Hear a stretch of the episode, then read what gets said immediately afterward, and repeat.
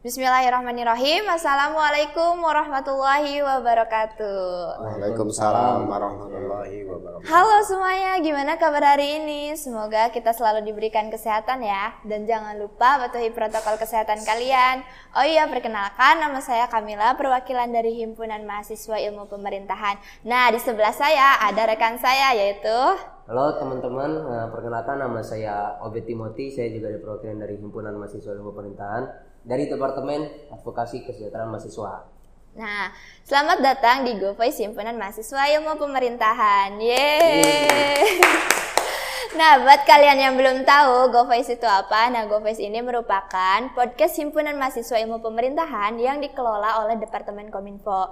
Nah, di dalam GoVoice ini kami akan memperbincangkan seputar kemahasiswaan. Oke. Nah, di episode kali ini juga spesial ya karena bertemu dengan Bapak Kaprodi baru kita nih, yaitu Bapak Rahmat Ramdhani. Halo, Bapak, gimana kabarnya? Alhamdulillah teman-teman semua saya dalam kondisi sehat sehingga bisa mengisi dari undangan dari teman-teman Hima Ilmu Pemerintahan. Selamat datang Bapak dan terima kasih telah meluangkan waktunya di sela-sela kesibukannya. Nah, apa beberapa teman-teman kami mungkin belum mengetahui ya uh, lebih dalam kepada Bapak. Nah, Bapak uh, boleh perkenalkan diri terlebih dahulu. Oke, uh, terima kasih kepada siapa namanya? Ya Allah. Kamila. Kamila. Kamila yang sudah memperkenalkan saya. Saya izin Nama saya Rahmat Ramdhani. Uh, saya juga seperti teman-teman awal berkarir itu adalah dari uh, mahasiswa, terutama saya juga alumni uh, ilmu pemerintahan dari Unsika. Oh. Saya alumni BET. Saya alumni, alumni tahun 2014. Jadi saya angkatan kedua BET. Jadi via sejarah uh, kita apa ya bicara sedikit sejarah ya. Ilmu pemerintahan itu berdiri tahun 2009. Nah, itu uh, di kita juga udah ada uh, dua uh, lulusan dari 2009 itu yang menjadi dosen. Salah satunya adalah Pak Sopian, yang kedua Pak Teja. Nah, saya itu 2010. Jadi saya angkatan hmm. kedua dari pemerintahan dari lulusan 2014. Nah, pada saat saya kuliah belum ada tuh yang namanya kegiatan IMA. Hmm. Belum ada karena jumlah mahasiswanya masih sedikit. terbatas, betul hmm. masih sedikit sehingga kita belum. Nah, di angkatan ketiga 2011 baru kita uh, merancang ataupun membentuk himpunan ilmu pemerintahan. Jadi ini sekilas dan sejarah bagaimana pembentukan hima ilmu pemerintahan itu berdiri pada angkatan ketiga yaitu angkatan di 2011 itu. Ternyata banyak juga ya dosen-dosen kita yang lulusan dari Unsika. Terbaik nih apalagi sekarang hari ini alumni mahasiswa apa mahasiswa ilmu pemerintahan tahun 2000 berapa sih 2014 14 ya, ya. menjadi kaprodi nih tahun 2021 mantap banget bangga bangga kita sebagai mahasiswa ilmu pemerintahan ya teman-teman iya. semua Aduh. apalagi nih Kamila terima kasih Pak atas perkenalannya nah uh, sebelum ke pertanyaan nih Pak bagaimana perasaan Bapak terpilih menjadi kaprodi ilmu pemerintahan yang pertama ya perasaan saya merasa bersyukur di mana hmm. tadi yang apa yang dikatakan hmm. oleh Obet bahwa saya bisa uh, mengabdi lah kepada alma mater yang di mana yang sudah membesarkan saya secara akademik, sudah memberikan pengetahuan secara akademik, jadi saya merasakan bangga dan bersyukur ketika bisa mengabdi kepada alma mater yang saya cintai. Sekarang kalau dulu saya sebagai mahasiswa, lalu saya menjadi dosen, yang menjadi dosen, kemudian sekarang saya harus mengabdi menjalankan amanah jadi koordinator program studi ilmu pemerintahan. Hmm. Jadi menurut bapak tuh pengabdian itu tadi kan bapak sempat singgung pengabdian ya pak. Iya. Menurut bapak pengabdian itu yang uh, harus kita terapkan nih sebagai mahasiswa ilmu pemerintahan, terutama mahasiswa baru nih ilmu pemerintahan nih pak, yang baru belajar uh, tridharma iya. perguruan tinggi penelitian, uh, terus uh, ada juga pengabdian masyarakat dan juga pendidikan pak. Ya. Nah pengabdian nih pak fokusnya nih menurut bapak gimana nih pak? Oke, kita uh, di dalam tugas uh, sebagai perguruan tinggi kan tadi uh, sudah disinggung ada tridharma perguruan tinggi. Ya. Yang pertama adalah kita pendidikan. Nah, pendidikan ini kan teman-teman saat ini sedang meng, apa ya, sedang uh, menjalankan yang namanya pendidikan yaitu adalah uh, perkuliahan. Yang kemudian yang kedua adalah penelitian. Nah, nanti teman-teman juga akan merasakan bagaimana penelitian. Walaupun sekarang juga kan sudah ada uh, mini riset ya dari tugas-tugas mata kuliah yang berbentuk mini riset, studi kasus dan project uh, learning. Kemudian yang ketiga adalah pengabdian kepada masyarakat. Jadi kita sebagai ilmuwan maka ilmunya harus bisa bermanfaat kepada masyarakat. Maka kita harus bisa mengimplementasikan nilai-nilai akademik kepada masyarakat. Apalagi kita sebagai uh, mahasiswa ilmu pemerintahan, maka kita harus bisa memberikan kemanfaatan nih bagi masyarakat secara umum. Jadi terutama kita sebagai uh, mahasiswa pemerintahan harus bisa menebarkan kemanfaatan kita di tengah-tengah masyarakat. Itulah sebagai bentuk pengabdian kita kepada masyarakat. masyarakat. Nah, terus sebagai kaprodi baru nih Pak, bagaimana visi misi Bapak untuk kemajuan ilmu pemerintahan ini? Oke, jadi visi dan misi dari prodi ini ya sudah tertuang secara dokumen di dalam kurikulum program studi ilmu pemerintahan. Visi dari program studi ini adalah uh, untuk meng, uh, program studi yang inova, program studi ilmu pemerintahan yang inovatif, yang kompetitif, juga berdaya saing dengan jiwa uh, berjiwa bangsa. Itu hmm. adalah visi dari ilmu pemerintahan. Jadi kita ingin menyiapkan lulusan ilmu pemerintahan yang memiliki inovatif, kompetitif, juga memiliki daya saing, tapi tidak lepas dari berjiwa bangsa. Gitu. Itu dari visi program studi ilmu pemerintahan. Hmm. Nah, uh, untuk menjalankan visi itu nih Pak, hmm. apalagi kan kita sedang mengalami namanya kuliah secara daring. Uh, itu bagaimana Pak? Uh, program-program apa yang ingin bukan ingin sih yang emang yang ingin bapak sudah rencanakan juga untuk IP ini pak. Terutama emang terkait visi dari bapak yang kompetitif dan uh, apa tadi inovatif. Inovatif tersebut gitu pak. Oke jadi uh, saya juga dalam hal ini uh, masih dalam proses apa ya transisi ya, ya karena saya masih baru uh, di dalam memegang amanah program studi ini. Jadi untuk mengembangkan pada capaian uh, lulusan, terutama uh, capaian lulusan prodi ini ya harus bisa beradaptasi dengan kondisi yang saat ini kita pandemi dengan proses pembelajaran secara daring, kegiatan pun secara kita alihkan ke secara virtual. Nah, itu kita hmm. juga lagi untuk mempersiapkan E, meracik strategi bagaimana agar capaian dari visi dari ilmu pemerintahan itu tercapai. Pertama hmm. tadi lulusan ilmu pemerintahan yang memiliki uh, apa ya jiwa inovatif, kompetitif dan daya saing. Hmm. Luar biasa ya. Kita hmm. tunggu nih Pak rancangannya yang ke depan siap.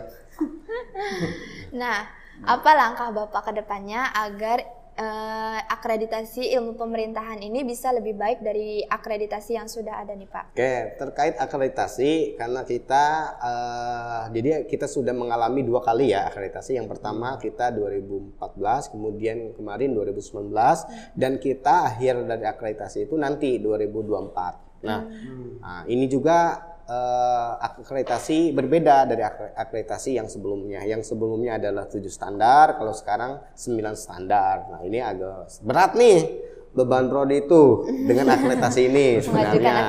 Tapi berat. tidak akan berat apabila kita dikerjakan secara kolaborasi antara dosen dan juga para mahasiswa sebagai dari instrumen di dalam proses pembelajaran. Jadi ya kita eh, saya juga lagi mempersiapkan beberapa bahan evaluasi dengan menggunakan tadi instrumen-instrumen yang digunakan di dalam akreditasi. Terutama ya kita ingin memperbaiki dari uh, kualitas ataupun dari uh, nanti hasil dari akreditasinya ke depan. Oh, kalau uh, mengenai akreditasi Bapak akreditasi tadi apa ya? Ya. Uh, dukungan apa nih Pak yang ingin Bapak sampaikan kepada mahasiswa nih Pak agar kita uh, ber, berkolaborasi untuk meningkatkan akreditasi ini Pak? Oke, jadi saya e, minta kepada teman-teman, jadi ada beberapa kontribusi ya yang bisa teman-teman berikan kepada prodi di dalam e, nanti capaian di akreditasi itu terutama di dalam hal prestasi. Hmm. Nah, itu. Prestasi itu sangat sangat kita tunggu ya apalagi udah prestasinya tingkat nasional hmm. ataupun bahkan internasional.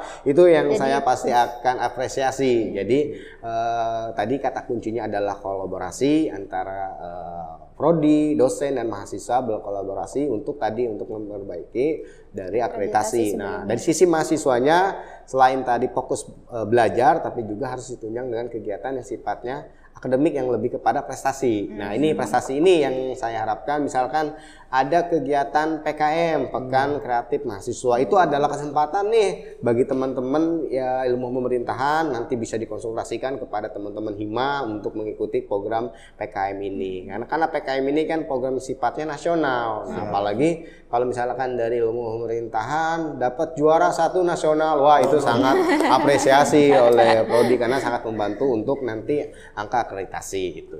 Jadi teman-teman pun bisa memberikan kontribusi nyata terhadap uh, kemajuan program studi ilmu pemerintahan hmm. dengan menunjukkan prestasi bet. Benar, prestasi benar, nomor prestasi satu ya pak. Ya, Jadi teman-teman pemerintahan uh, ditunggu ya prestasinya. Bisa uh, sebenarnya kami juga pak uh, sedikit informasi dulu ya. ya uh, lembaga kita juga uh, aplikasi kesehatan mahasiswa juga siap menampung uh, berbagai mahasiswa yang emang ingin loncat kepada prestasi-prestasi uh, yeah. tersebut pak. Tentang uh, juga ada beasiswa juga ini. Jadi teman-teman uh, biar kita sama-sama bekerja sama nih juga membantu Pak Alan sebagai kaprodi baru meringankan. Uh, meringankan Pak Alan, Pak Alan. kita sama-sama nah teman-teman mengharumkan nama IP ya mahasiswa ilmu pemerintahan Kamila, mungkin ada lagi pertanyaan. Nah, menurut sudut pandang Bapak sendiri nih, apa sih ilmu pemerintahan itu?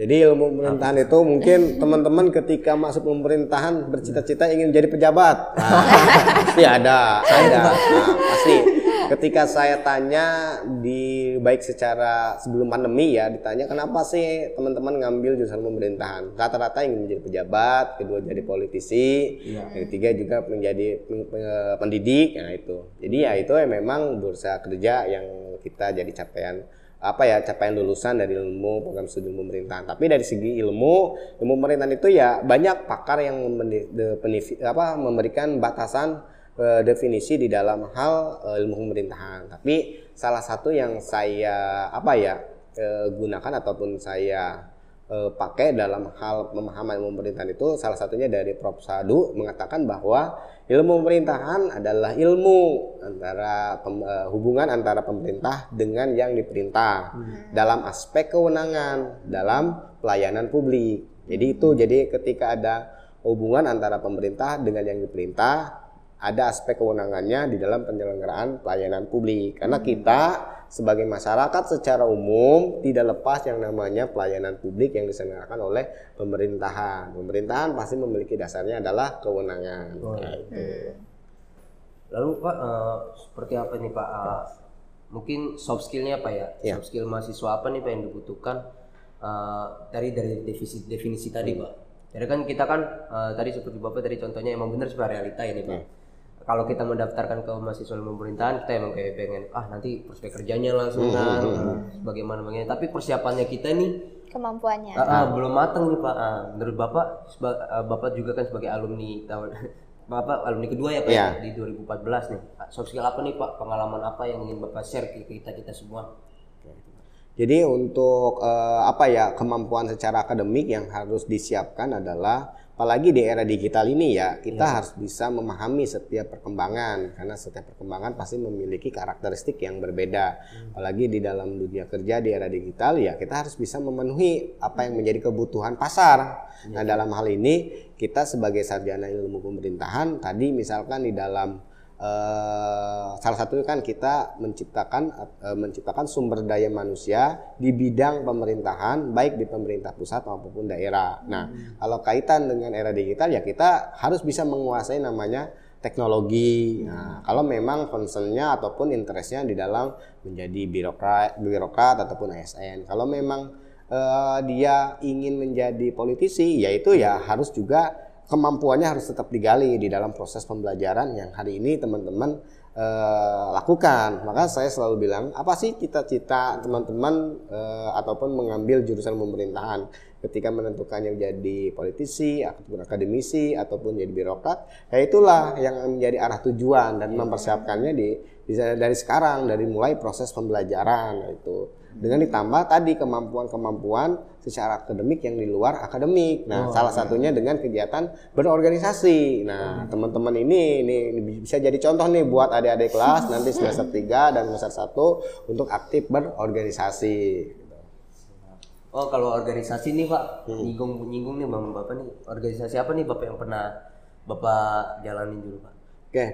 karena dulu dalam proses pembelajaran saya di Unsikal pemerintahan karena belum ada hima ya karena hima itu ada di 2011 jadi saya proses pembelajaran karena saya tuh berorganisasi udah dari mulai SMA SMA Pak. SMA saya itu eh, bergerak di dunia kesenian dan kebudayaan itu khusus di bidang teater Hmm, jadi gini-gini saya juga pernah menjadi aktor. Wih, Pernah hebat. menjadi. jadi sekarang itu saya lagi berperan aktor menjadi seorang Afrodi. Nah itu jadi saya di bidang kesenian dan kebudayaan selama SMA kemudian lang- eh, lanjut ke perguruan tinggi saya melanjutkan tetap. Nah, lalu saya mengelola sebuah komunitas seniman muda Kerawang Kabupaten Kerawang itu. Memang di bidang seni dan kebudayaan. Kemudian ya juga saya masuk ke pengurusan KNPI di Kabupaten Kerawang Oh, itu luar biasa ya eh, pengalaman organisasi ketua kita eh, ketua keprodi kita yang baru ini. Iya. Jadi jadi pengen nih Pak kita termotivasi juga. harus nih. harus harus harus jadi kita harus bisa berproses terus jadi ketika jadi hasil itu tidak akan mengkhianati proses Hasil. ya nah, itu jadi harus dipegang tetaplah berproses dengan sungguh-sungguh Kamila. Apalagi nih Kamila? Nih Pak, kita kan sama-sama tahu ya kalau pandemi COVID ini sudah hampir satu setengah tahun dan sistem pembelajaran pun menggunakan sistem daring. Nah, menurut Bapak sendiri, seberapa efektivitas pembelajaran daring bagi mahasiswa nih Pak? Kalau uh, penilaian ataupun pengukuran bagaimana proses pembelajaran uh, selama pandemi ini ya kita dengan daring ini ya cukup efektif ya sangat membantu ya. Nah, karena kalau untuk penilaian yang lebih lanjut kan harus ada penelitian lebih dalam lagi ya. Tapi dengan adanya pandemi secara global kita di dunia pendidikan sangat terbantu dengan adanya perkembangan teknologi informasi ini. Jadi kita uh, memindahkan yang namanya ruang kelas kepada ruang virtual. Sehingga dari segi makna pembelajaran itu bisa tersampaikan. Nah, dan juga dari segi waktunya lebih fleksibilitas itu jadi karena sebagai alternatif ya terbaik ketika di masa pandemi dengan adanya pembelajaran secara daring. Daring. Jadi menurut Bapak ada nggak sih kekurangannya kalau misalkan kita secara pandemi ini? Oh, kalau dari segi kekurangan dan kelebihan pasti ya, baik dari uh, kuliah secara uh, misalkan ruang kelas dan ruang virtual pasti ada sisi kekurangan. Ya, misalkan dari kekurangannya mungkin dari segi teman-teman kurang uh, apa ya uh, dalam pemahaman, Nah, pemahaman materinya berbeda ketika tatap muka dengan daring. Karena dari segi daring pasti ada sisi kelemahan sih. bisa eh, ada permasalahan dari segi eh, jaringan, eh, perangkat-perangkat yang lain itu kan bisa meng- mengaruhi di dalam proses pembelajaran. Tapi ketika tatap muka kan kita tidak ada lagi perangkat, semuanya bisa tatap langsung berdiskusi secara langsung dengan eh, misalkan dengan saya ketika di ruang kelas. Ketika dipindahkan ke ruang virtual kan ada beragam persoalan di sana. Ada misalkan jaringan yang tidak Stabil. stabil, kedua perangkat yang tidak stabil dan dan lain-lain lah banyak hal ya. Memang dari segi kekurangan pasti ada sisi kekurangannya di dalam proses pembelajaran daring ini. Tapi ketika di masa pandemi ini kita yang tidak bisa apa ya kuliah secara tatap muka, tapi dengan adanya teknologi informasi kita sangat dibantu lah dengan teknologi ini. Nah, apalagi sekarang nih Pak eh, sudah diberitahu nih informasi dulu dari hari ini dua minggu ke depan kita akan melaksanakan UTS nih Pak. Hmm. Nah, apa nih Pak eh, motivasi Bapak dong nah, supaya kita tetap semangat nih eh, UTS-nya kan. Walaupun apalagi online. masih pandemi ini walaupun online gitu kan. Ya. Silakan Pak. Oke, jadi eh, teman-teman eh, terutama di ilmu pemerintahan ya eh, tetap semangat, tetap eh, jaga kesehatan. Nah, karena yang menjadi modal hari ini adalah satu kesehatan dan juga eh, kita harus tetap bahagia ya dalam proses pembelajaran ini. Kalau kita tidak sehat nggak nggak bahagia juga dan juga akan mempengaruhi di dalam cara berpikir kita ya. Nah, maka harus dijaga itu kesehatan. Nah, se- kesehatan itu di masa pandemi ini merupakan hal-hal yang utama ya bagi di dalam proses pembelajaran. Jadi tetap semangat, tetap jaga kesehatan, jangan lupa juga untuk tetap menjaga protokol kesehatan. Nah, kemudian langkah apa nih yang akan Bapak ambil untuk membuat sistem pembelajaran yang ada di ilmu pemerintahan ini semakin ber- berkembang, terutama di, di masa ma- di masa pandemi yang sekarang ini? Oke, uh, ada beberapa model pendekatannya di dalam proses pembelajaran. Nah, terutama kita sekarang memang diwajibkan pendekatannya lebih kepada tadi berbasisnya proyek ataupun studi kasus, karena hmm. untuk merancang keikutan serta ataupun partisipasi uh, mahasiswa di dalam proses pembelajaran. Jadi di dalam proses pembelajaran dosen uh, bukan hanya menjadi penceramah, hmm. tapi menjadi fasilitator. Nah lebih pendekatannya tadi outputnya bisa kepada pendekatan menggunakan studi kasus ataupun project e, dari proses pembelajarannya hmm. itu kan lebih lebih apa ya lebih nanti lebih e, menarik di dalam proses pembelajaran jadi nggak nggak nggak kaku di dalam proses hmm. pembelajaran itu hanya tatap e, hanya ceramah misalkan kuliah dengan Pak Alam ceramah hmm. selama dua SKS kan itu yang ada adalah menyentuhkan tapi dengan ada sistemnya tadi studi kasus dan project itu lebih membuat keter apa ya eh, partis nah, keterlibatan mahasiswa di dalam proses pembelajaran. Jadi mahasiswa dituntut lebih aktif lagi ya pak ya? Tuh. Jadi mahasiswa itu harus aktif di dalam proses pembelajaran, baik secara daring maupun maupun secara luring nanti. Luar biasa nih langkah kerja Kaprodi baru kita untuk mahasiswa yang aktif Terus uh, apa lagi nih Kamila? Nih Pak, mengenai masalah program MBKM Pak. Uh. Apa sih Pak program MBKM itu? Adakah keuntungan bagi mahasiswa kalau mengikuti program tersebut? Pasti kalau dari segi keuntungan karena tujuan program MBKM ini yang dicanangkan oleh Kementerian ke, apa Pendidik Kebudayaan dan uh, ke, uh, Kementerian Pendidikan ini terutama tujuannya adalah untuk mendorong hmm. untuk mempersiapkan uh, para mahasiswa di dalam persiapan bursa kerjanya ataupun dunia kerjanya.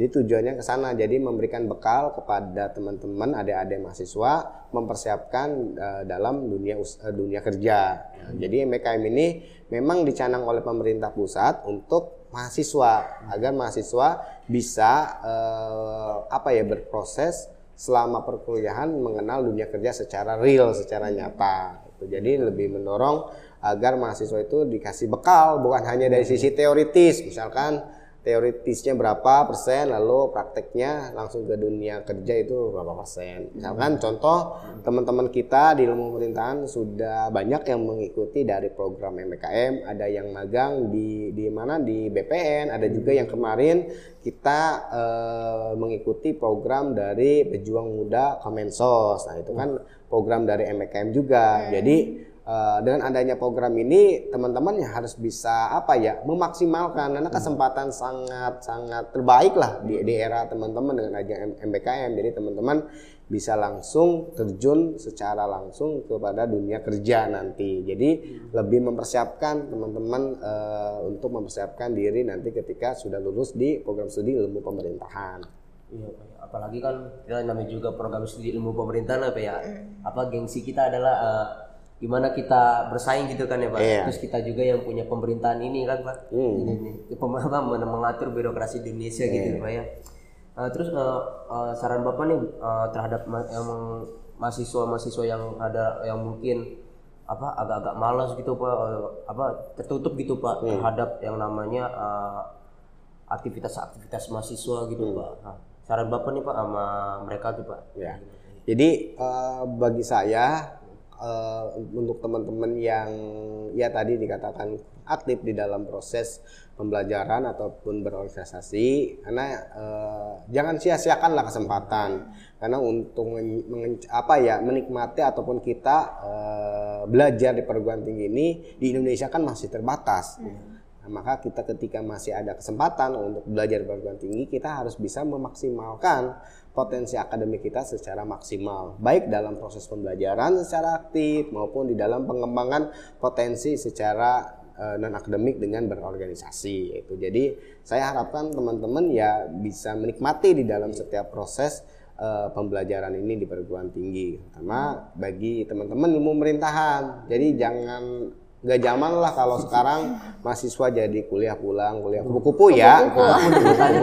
kupu-kupu ya. Kalau istilah dulu sampai sekarang kan masih ada kupu-kupu. Jadi kita harus aktif lah. Karena e, di luar sana ataupun nanti di era e, e, pasar ini ya kita harus mempersiapkan terutama kemampuan. Nah itu. Kita dari program studi ilmu pemerintahan ya harus bisa menunjang tadi kemampuan secara untuk menyerap dunia kerja tersebut. Jadi tidak akan tercapai apabila kita hanya menikmati di masa perkuliahan ini ataupun masa proses pembelajaran hanya kuliah pulang kuliah pulang. Nah itu harus ada pengembangan diri lah dari uh, setiap uh, apa ya setiap individu dari mahasiswa terutama di ilmu pemerintahan. Iya pak. Karena mungkin belajar di mata kuliah saja itu nggak cukup ya pak ya. Hmm. Harus ada kegiatan lain ya. Oke, Kamila. Mungkin. Nah, terus uh, rencananya kapan nih Pak perkuliahan ini mulai normal kembali terutama untuk angkatan 2019? Oke, kalau mulai perkuliahan ini kan kita masih menunggu ya instruksi dari baik dari rektorat maupun dari Satgas. Sampai saat ini kita masih menunggu ya, belum ada keputusan bagaimana dimulainya proses pembelajaran secara tatap muka. Jadi uh, tunggu saja nanti juga Hima akan memberikan informasi ketika sudah memang ada informasi terkait uh, proses pembelajaran secara normal lagi atau jadi uh, teman-teman tetap bersabar dan semangat ya Pak ya. Oh, tetap semangat betul, betul. Pasti moga-moga tahun depan kita menjaga luring gitu. Iya, amin, amin. amin. Yang penting kita tetap tadi kuncinya adalah jaga protokol kesehatan. Kesehatan paling gitu. penting itu ya Pak. Iya, yang belum vaksin, vaksin segera.